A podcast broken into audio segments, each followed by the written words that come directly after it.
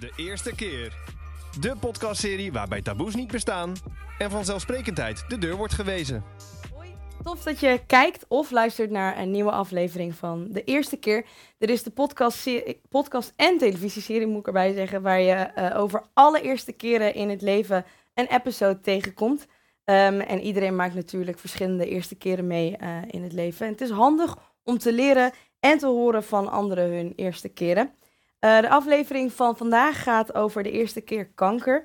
Um, helaas bestaat deze verschrikkelijke ziekte en uh, hebben veel mensen er dagelijks mee uh, te maken. Um, er heerst ook een taboe over het bespreken van deze ziekte.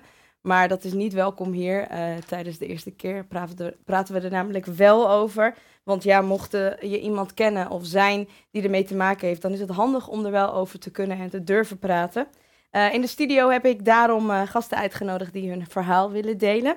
Nikki Drost. Hoi. Je bent 24 jaar oud. Uh, Nikki, jouw moeder, die heeft de borstkanker gehad. En Nikki, die was er voor haar tijdens het proces van deze ziekte. En daarnaast Bo Sterren. Bo, 21 jaar oud. zij heeft Hodgkin lymfoom stadium 2. Volgens mij spreek ik het wel verkeerd uit. Dus uh, ja? Nou, dat heb ik toch goed gedaan. Uh, en jij maakt kankervlogs om uh, mensen een kijk te geven in jouw genezingsproces. Ja. ja. Nou, welkom allebei. in deze aflevering komen de volgende punten aan bod. Namelijk de ontdekking van kanker en de eigen reactie van Nikki en Bo hierop. het vertellen aan je familie en vrienden dat je ermee te maken heeft. de behandelingen, het proces dus en invloeden ervan in het dagelijks leven. Uh, het omgaan met kanker en eventuele tips die jullie aan het eind kunnen geven. Beginnen we bij het begin, uh, de ontdekking van kanker en uh, je eigen reactie hierop. Bo, hoe kwam jij erachter dat je kanker hebt en hoe herken je deze ziekte? Um, nou, ik had al een, een tijdje, al een half jaar denk ik, heel erg jeuken over mijn hele lichaam. Wat blijkbaar dus echt een key symptom is voor Hodgkin. En ik had ook hele rare bloeduitslagen en zo, waar we niet zo goed wisten waar het vandaan kwam. Dus ik was al bij een dermatoloog geweest om te kijken of het aan mijn huid lag. En ik was al overal geweest ongeveer. En toen um, voelde ik ineens een bult in mijn nek. En uh, het was best wel een grote bult. En nou ja, met een bult heb je al snel van, uh, nou, dat kan niet goed zijn. Dus uh, toen was het gelijk naar de huisarts en um, die heeft ons gelijk doorgestuurd naar de internist. En toen een hele week uh, onderzoeken en alles is uit de kast getrokken. En toen uh, werd het wel snel duidelijk eigenlijk. Dus ja. ja je ja. vertelt het heel uh, makkelijk, lijkt het. Maar hoe, hoe voelde je op dat moment toen je zo doorverwezen werd en er ineens zo intensief mee bezig was en erachter kwam? Ja, toen zeg maar al die onderzoeken, toen ik al die onderzoeken had, had ik al echt zoiets van, nou, dit kan al niet goed zitten, zeg maar. Dus ik had ook al een beetje dingen gegoogeld en zo. En daar kwam al lymfklierkanker uit en zo. Dat ik dacht van, mm, dat lijkt wel heel erg op alles eh, wat ik heb, zeg maar. Dus uh, ik zag hem ergens wel een klein beetje aankomen, uh, moet ik zeggen. Ja, ja en je hebt het al een beetje uitgelegd, maar wat houdt die vorm van kanker eigenlijk in? het is dus kanker in je lymfeklieren. En je lymfeklieren die zorgen eigenlijk, grof gezegd, dat je bloed gezuiverd wordt. En um, ja, het zit eigenlijk gewoon in bij mij een lymfeklierpakket rond mijn hart. Dus ja, en het is heel heftig. We gaan er zo meteen verder op in uh, hoe je ermee uh, omgaat. Um, ook onder andere in je vlogs. Niki, hoe kwam jij erachter dat je moeder kanker heeft? mijn moeder heeft het eigenlijk, zeg maar, best wel lang verborgen weten te houden dat ze het vermoeden hadden dat ze kanker had. En um, op een gegeven moment, toen vertelde ze mij van, nou Nick, ik moet naar het ziekenhuis om te kijken of het daadwerkelijk kanker is of niet. Want het kunnen ook kalkspatten zijn en van alles. Hmm. Nou ja, en toen op een gegeven moment werd mijn school gebeld dat het inderdaad fout was. Hoe was het voor jou om dan erachter te komen dat je moeder het zo lang heeft, uh, ja, dat, heeft gehouden? Ja, dat is wel heftig. Maar ik begreep het ook wel, want ze wilde ons gewoon niet bang maken. En uh, ja, het is wel heftig dat ze dat alleen heeft moeten doorstaan. Ja. Ja. uh, en, en, en Bo, hoe um, vind je eigenlijk vrede met het hebben van uh, kanker. Want eh, zoals ik al zeg, je zit hier, je maakt de, de vlogs over en um, je vertelt het heel makkelijk. Maar yeah. is dat dan ook echt zo?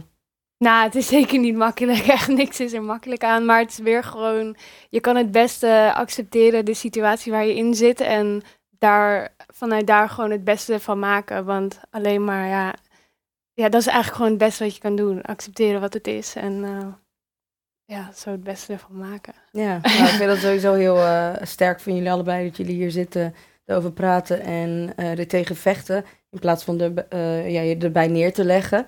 Ehm, en Nikki, eh, was dat ook voor, voor jou zo? Dat, dat je er op deze manier vrede in kon vinden dat je moeder het heeft? Nee, ze heeft het gelukkig niet meer. Maar eh, het blijft wel altijd gewoon ergens ehm, moeilijk. Het idee dat het ook weer bijvoorbeeld terug kan komen. Mm. Mijn oma heeft het twee keer gehad. In allebei haar borsten.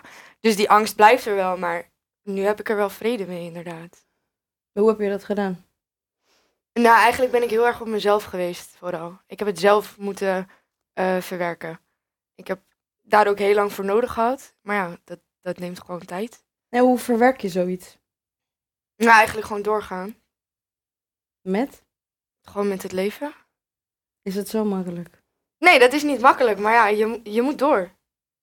Je kan niet zeggen van oké, nu stopt het en eh, ik ga de hele dag in bed liggen. Boy, moeten wij lachen? Ja. Waar denk je aan? nee, gewoon dat ze zegt van je moet gewoon door met je leven. Je kan je niet eh, alles uit je handen laten vallen, zeg Ja. maar. En, eh, maar is er dat- wel een, een split second geweest dat je dacht, oké, ik baal hier wel echt enorm van. Waarom Ja, moet mij dit nou overkomen? Nee, je zakt echt door de grond natuurlijk, als je dat hoort, zoiets hoort. Ja, dat is echt eh, schrikkelijk natuurlijk, maar ja. Wat was hetgene dat jou hielp om eh, toch door te gaan met eh, gewone dingen in het leven? Ehm, nou, ik ga niet echt door met gewone dingen in het leven. Eigenlijk staat bij mij voor alles nu even stil.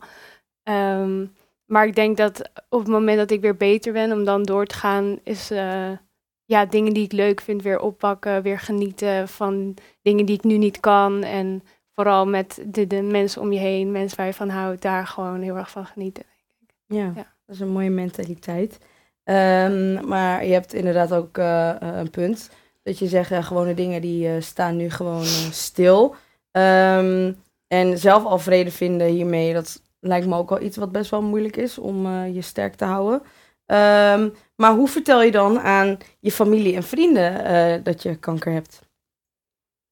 Eh, ja, ik had het gewoon gezegd.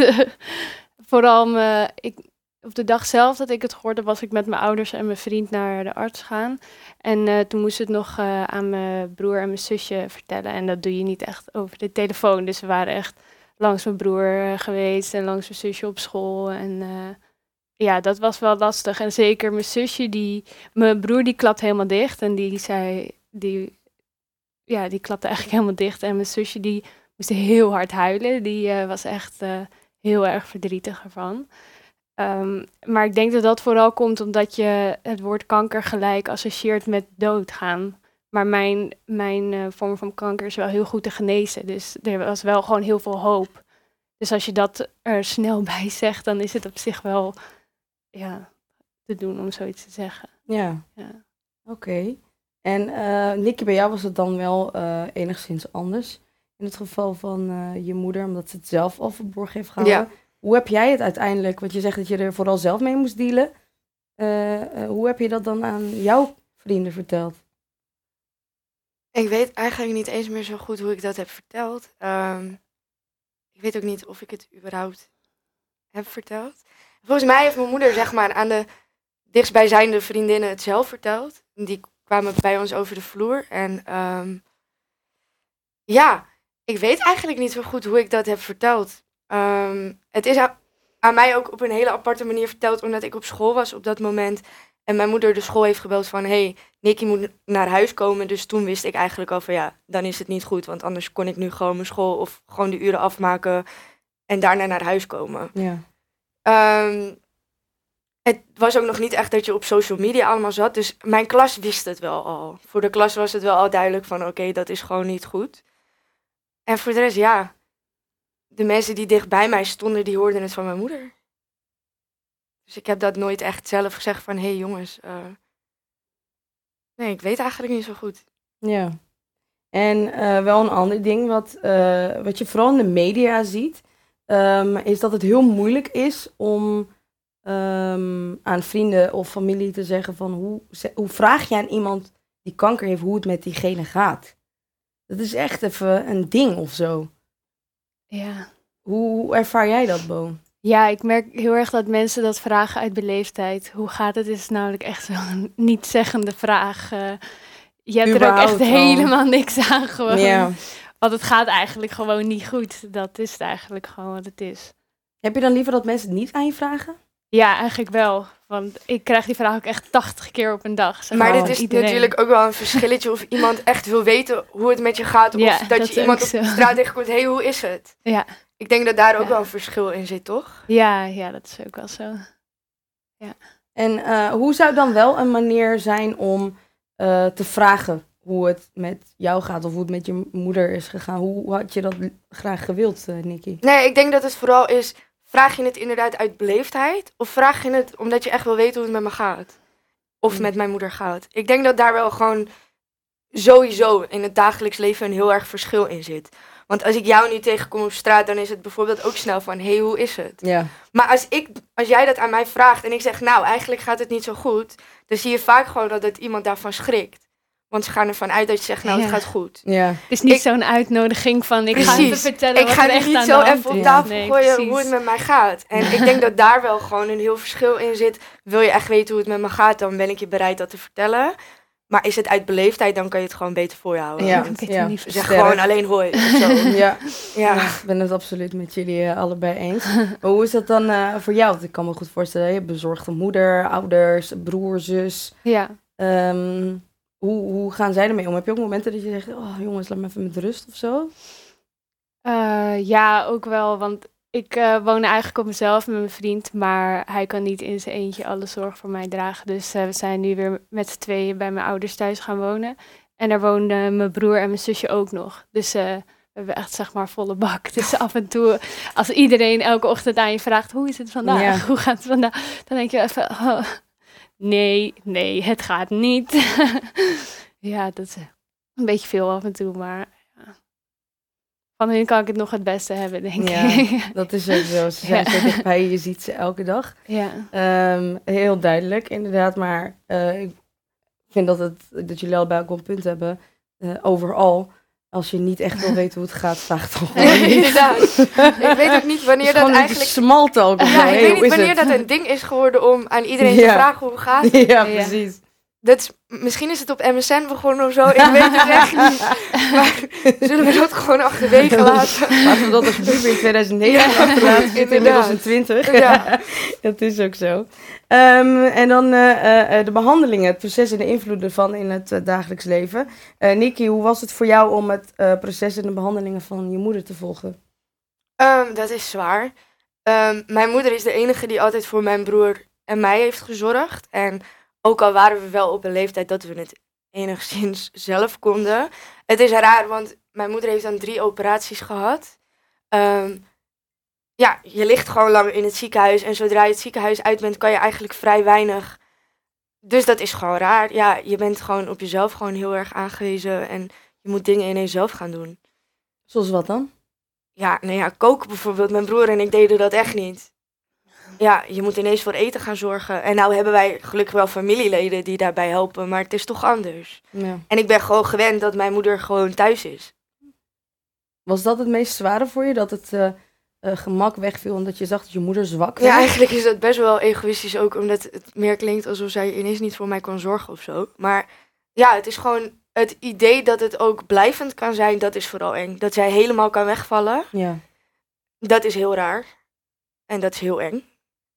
Als ik het voor je mag invullen, is het dan ook ehm, dat je denkt van, ik had me er niet nu al op ingesteld dat mijn moeder nu al weg zou vallen en Nee. dat ik nu al alles zelf moet gaan Ja, doen. dat is het vooral, denk ik ook. Ja, Ja, Mentaal niet- ben je daar gewoon nog Nee, niet. maar dat is het omdat wij altijd zo erg op mijn moeder zijn aangewezen, omdat zij altijd de enige was die er altijd was. Ja. Is dat gewoon het idee misschien nog wel enger of zo. Ik weet niet. ja. En voor jou is het natuurlijk andersom, Bo. Ja. Eh, jij bent degene die de behandelingen moet ondergaan. Wat voor Ja. behandelingen zijn het? Want je zei net al, er is hoop, je kan beter worden. Ja, ik heb nu eh, chemotherapie en eh, dat krijg ik om de week. En ehm, het zijn twaalf, twaalf keer chemo en ik moet er nu nog vijf. Dus Oké. ik ben een eind op weg. ja. Wel zwaar hoor.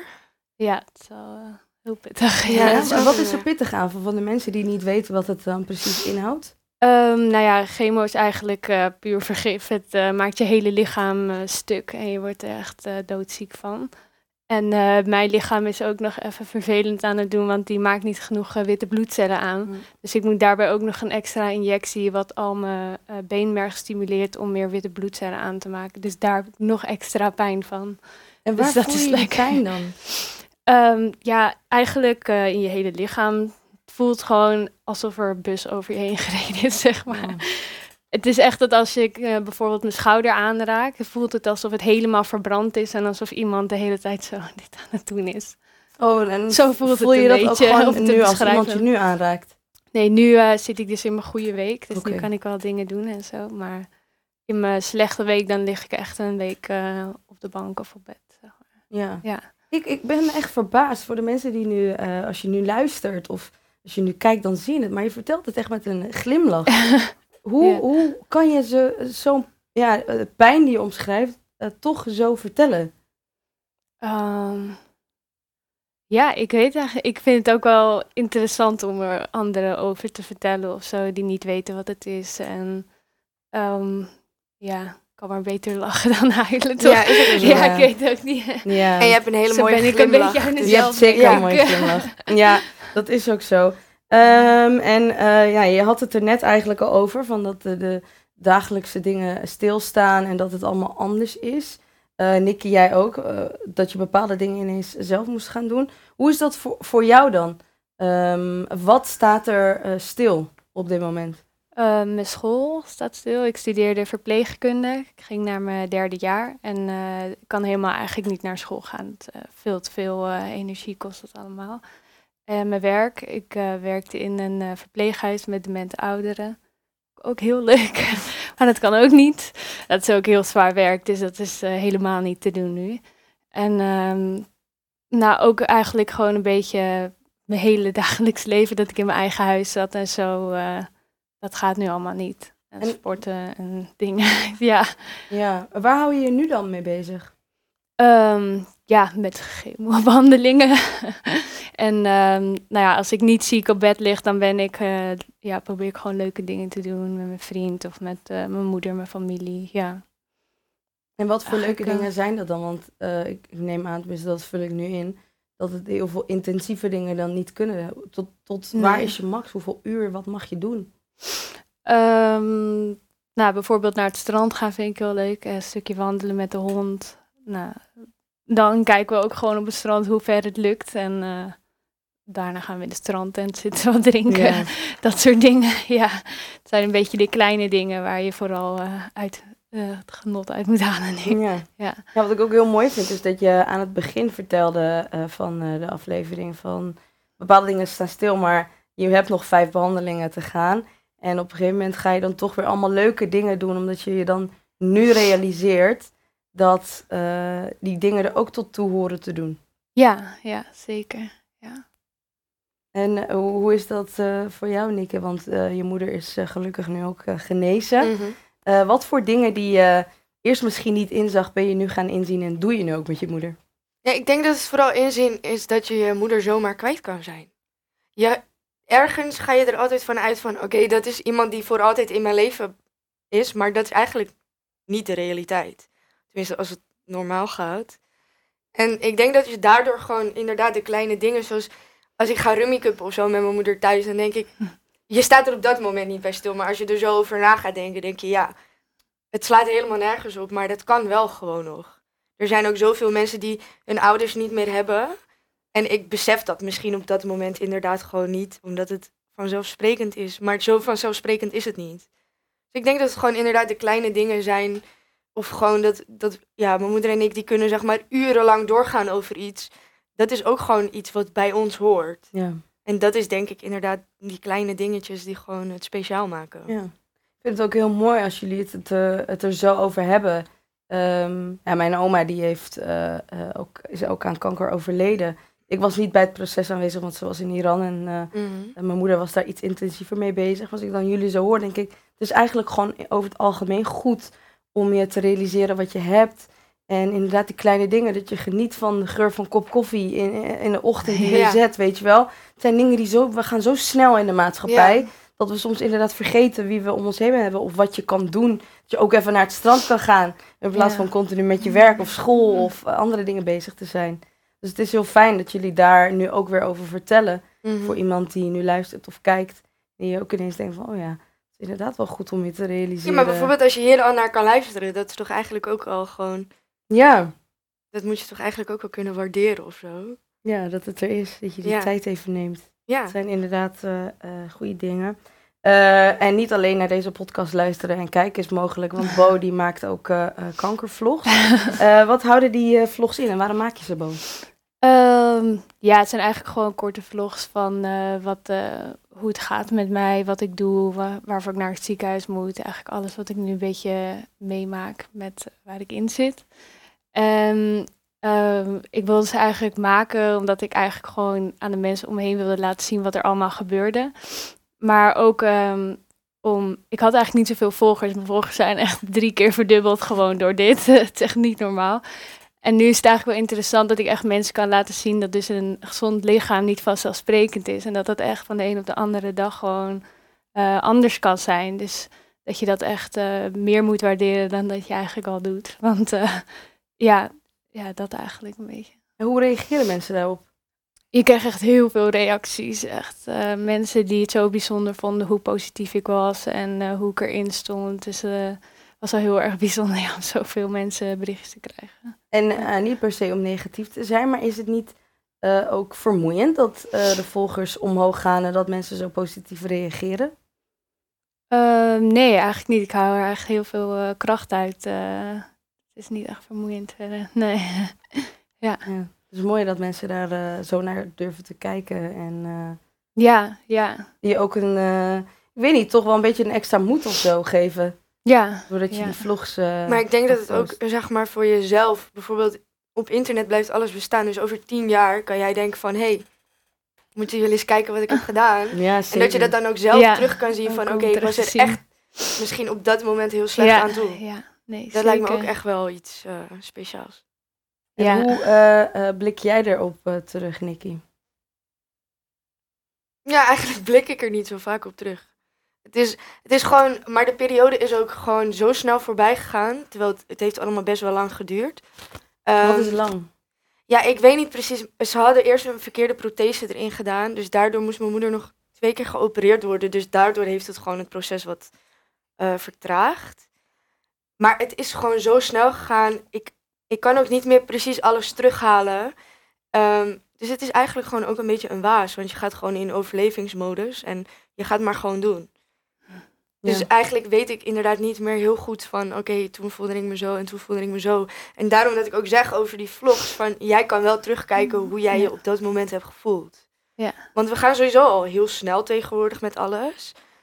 En ja, ik weet eigenlijk niet eens meer zo heel veel. Ik weet alleen nog dat ik heel veel pijn had en heel veel verdriet had. Maar voor de rest, ik kan echt geen dingen terughalen. Hm. Dus ik denk dat je gewoon een soort van op overlevingsmodus gaat en maar gewoon gaat. En Kan je het dan wel een plek geven? Want overlevingsmodus Ja, is een heeft- soort mechanisme. Ja, klopt. Het heeft wel eventjes geduurd hoor. Maar op een gegeven moment ben ik erover gaan praten. En gewoon met mensen om me heen ook. Van, kijk, tegenwoordig is het ook gewoon nog steeds een scheldwoord. Waar ik het totaal niet mee eens ben. En ik denk dat ik daardoor ook wel met mensen ben gaan praten van... Hé hey jongens, wat zijn we aan het doen? Het is geen scheldwoord. Het is een ziekte. En het is echt niet tof. En ik denk dat ik daardoor ook wel gewoon dingen ben gaan verwerken. Dus praten is gewoon wel, denk ik, de key. En hoe gaan eh, je vrienden daar dan mee om? Of de mensen die dan ermee schelden? Bij mij schelden ze er sowieso niet mee. Want ze weten ook gewoon dat dat moet je gewoon niet doen.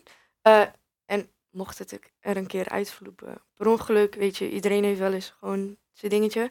Maar voor de rest houdt iedereen daar meestal wel rekening mee.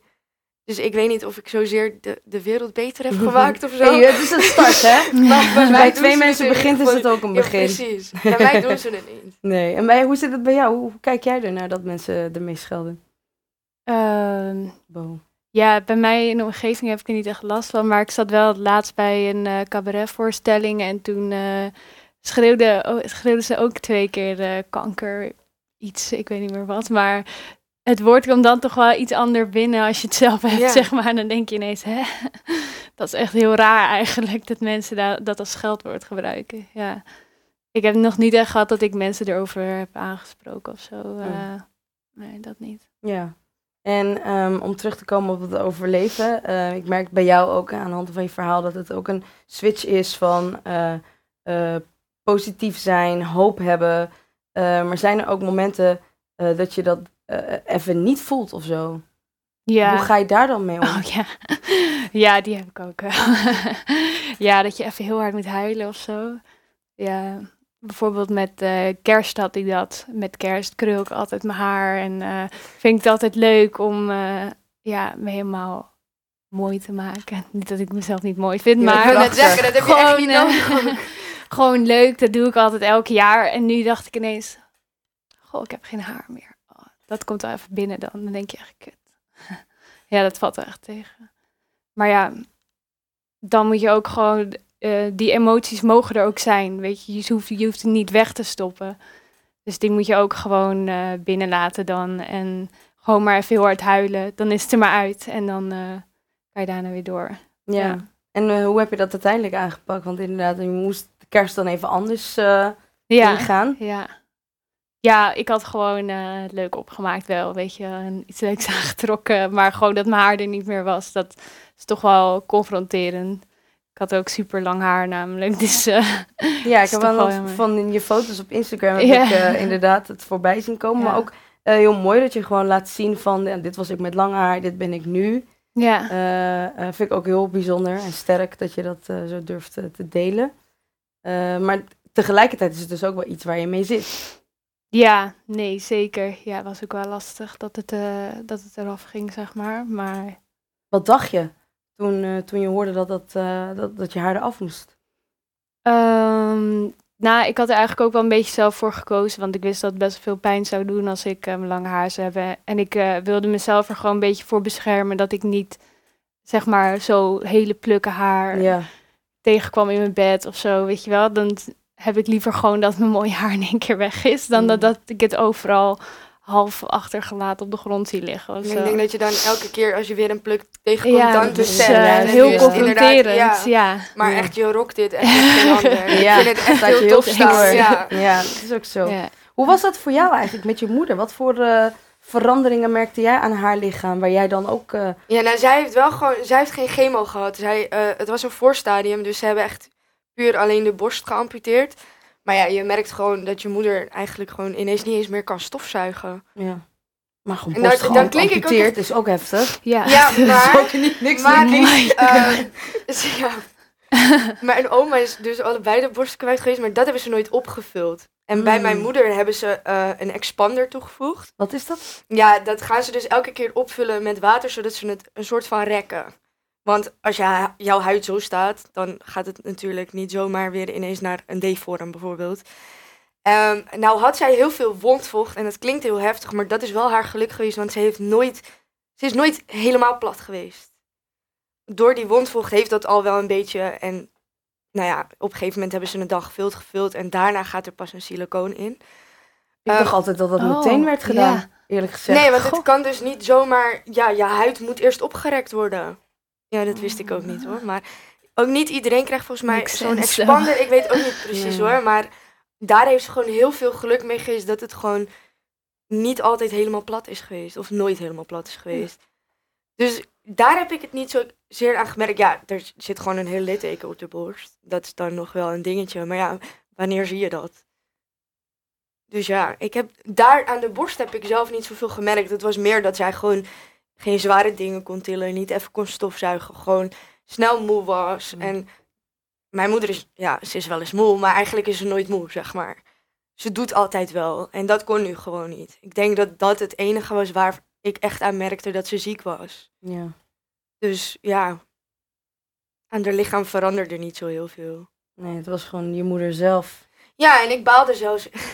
Eh, ze hebben een tepel hebben ze getatoeëerd. En ik mocht nooit een tattoo. Dus ik baalde toen nog dat zij wel een tattoo kreeg, want dat ging ze er... Nee, maar dat heeft ze er echt happy ingevreven. Ook zo van, haha, ik heb een tattoo.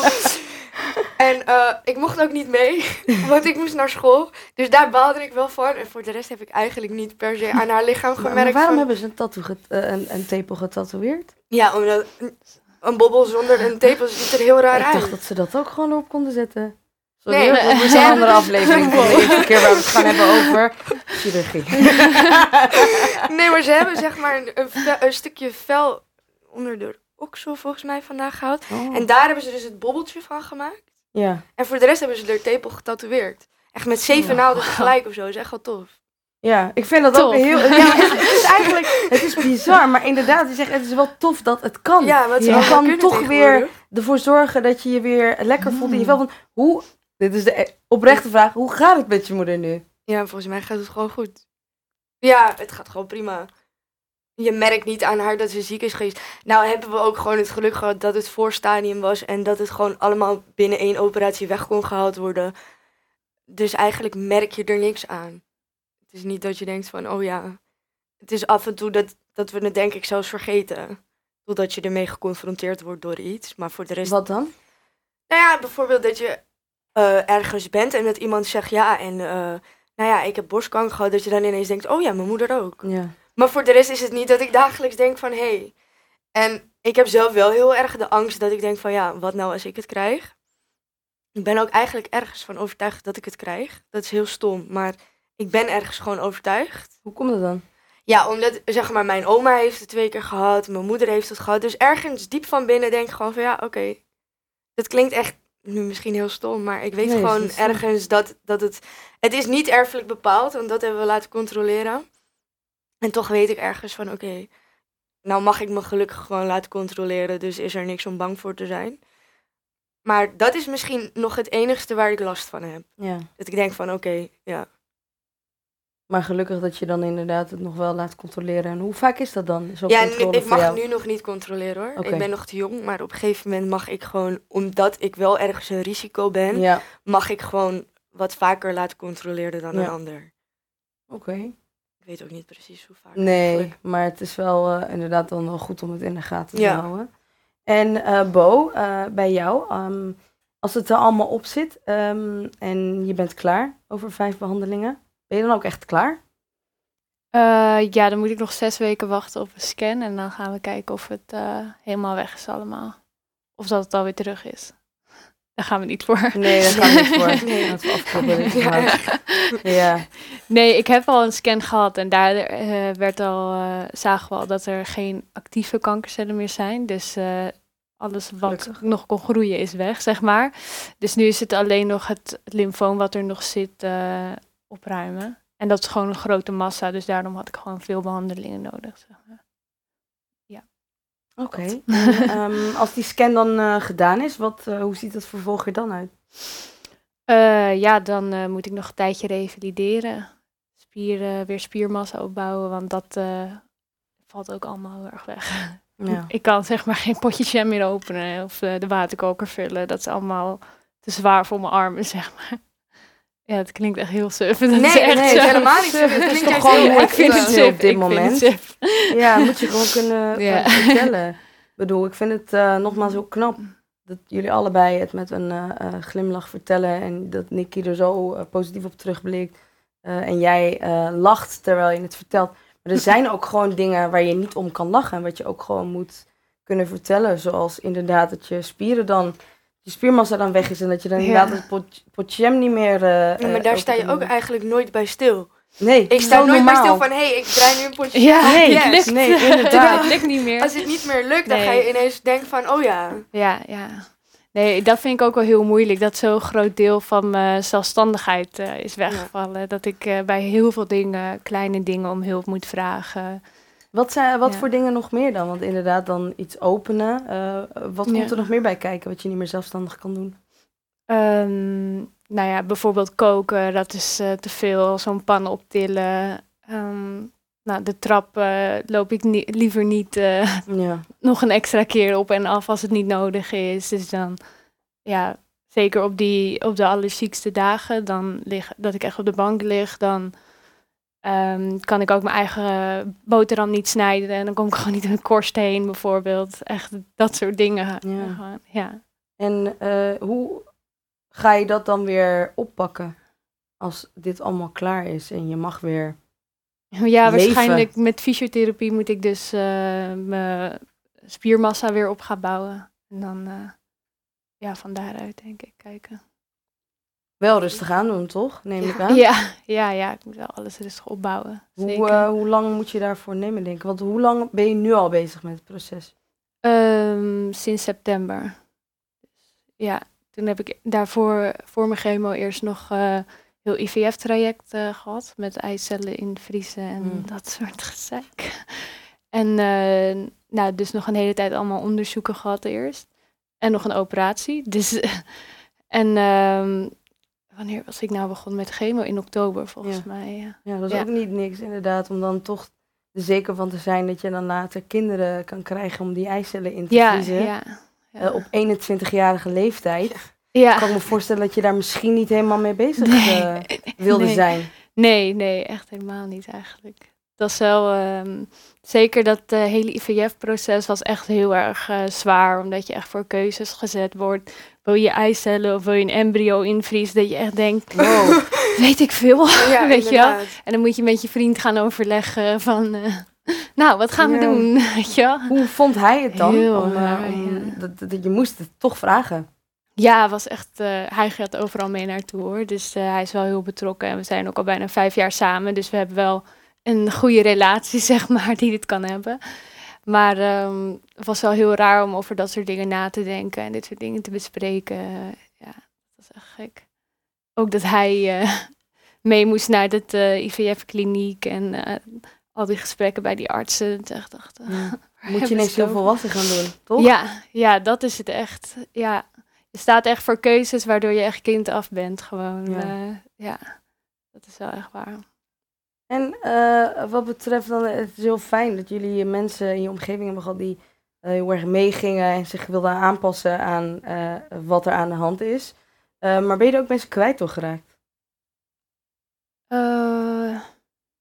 Nou, niet echt mensen kwijt doorgeraakt, maar je merkt wel van aan welke mensen je het meest hebt en zo. En Mm. eh, als het echt zwaar is, zeg maar. Ja, dan denk je wel.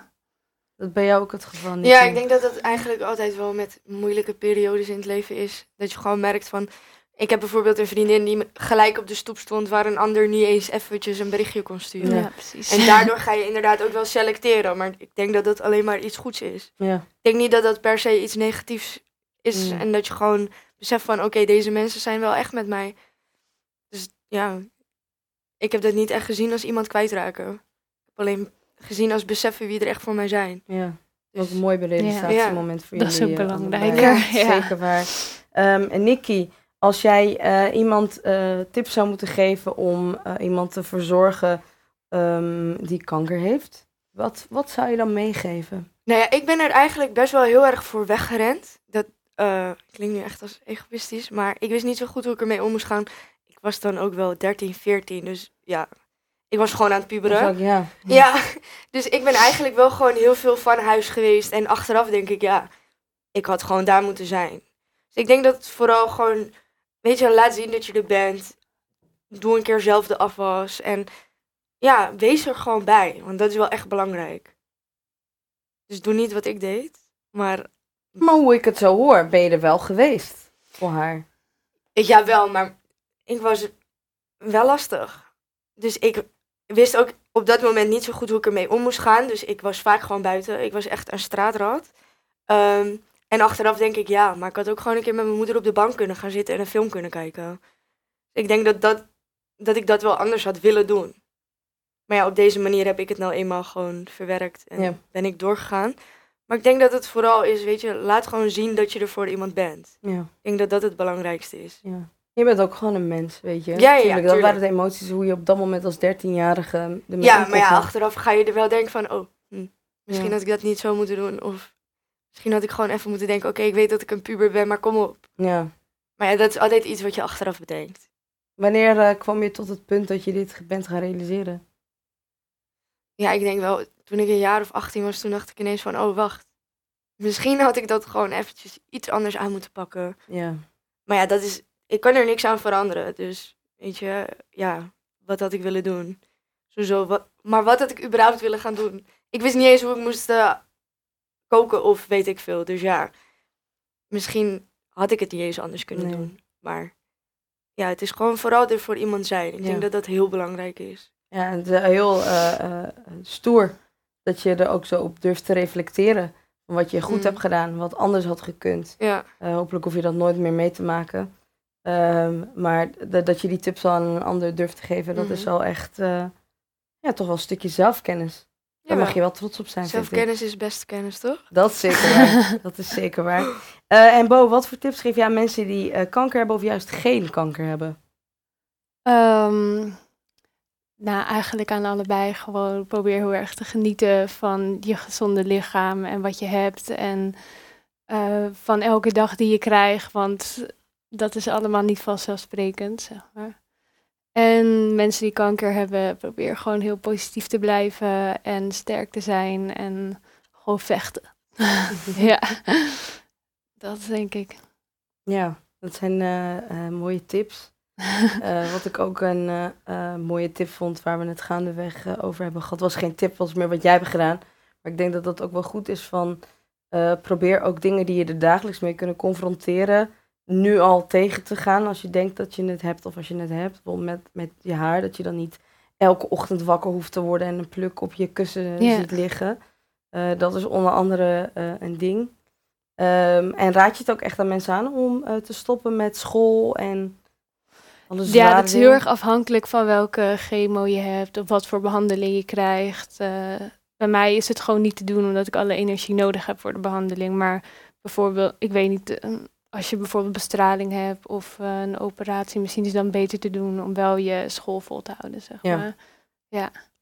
En verder zou ik ook gewoon aan mensen met kanker zeggen, kijk alles gewoon stap voor stap en dag voor dag. Je moet niet te ver vooruit kijken en eh, niet te veel in één dag willen, want je kan zelf alles niet sneller laten gaan dan het al gaat. Dus ja, dat zou ik ook nog wel eh, mee willen geven, denk ik. Ja, allebei super mooie tips, eh, inspirerende verhalen. Eh, dank jullie wel dat jullie zo open hierover durfden te zijn. En Bo, jij ook specifiek dank je wel voor je energie. ja. Dat je vandaag eh, toch eh, je verhaal wilde delen met Ja. ons. Dat eh, vind ik ook bijzonder. En Nikki, dat je ook zo open over je moeder durft te praten eh, op tv en, en natuurlijk Mhm. ook in de podcast. Vind ik ook echt heel mooi en bijzonder. En je zelfkennis natuurlijk ook. Dat je dat zo eh, blootlegt, dat is Mhm. eh, niet niks. Eh, dus bedankt voor jullie eh, vertrouwen. En eh, jij die kijkt en luistert, dankjewel wel voor het kijken en of luisteren. Of allebei, kan natuurlijk ook van de aflevering van de eerste keer. Ehm, volg ons op Instagram, de eerste keer. mocht je de meerdere dingen nog voorbij willen zien komen. Ehm, Bo en Nicky, waar zijn jullie te volgen? Dat mag natuurlijk ook nu benoemd worden. Eh, op mijn Instagram, laagstreepje. En ik op Instagram belief, maar echt van lief, want ik ben natuurlijk heel lief. En dan een x'je erachter. Weer een stukje zelfkennis. Zo erin geslijt. Dankjewel voor het kijken en tot de volgende keer.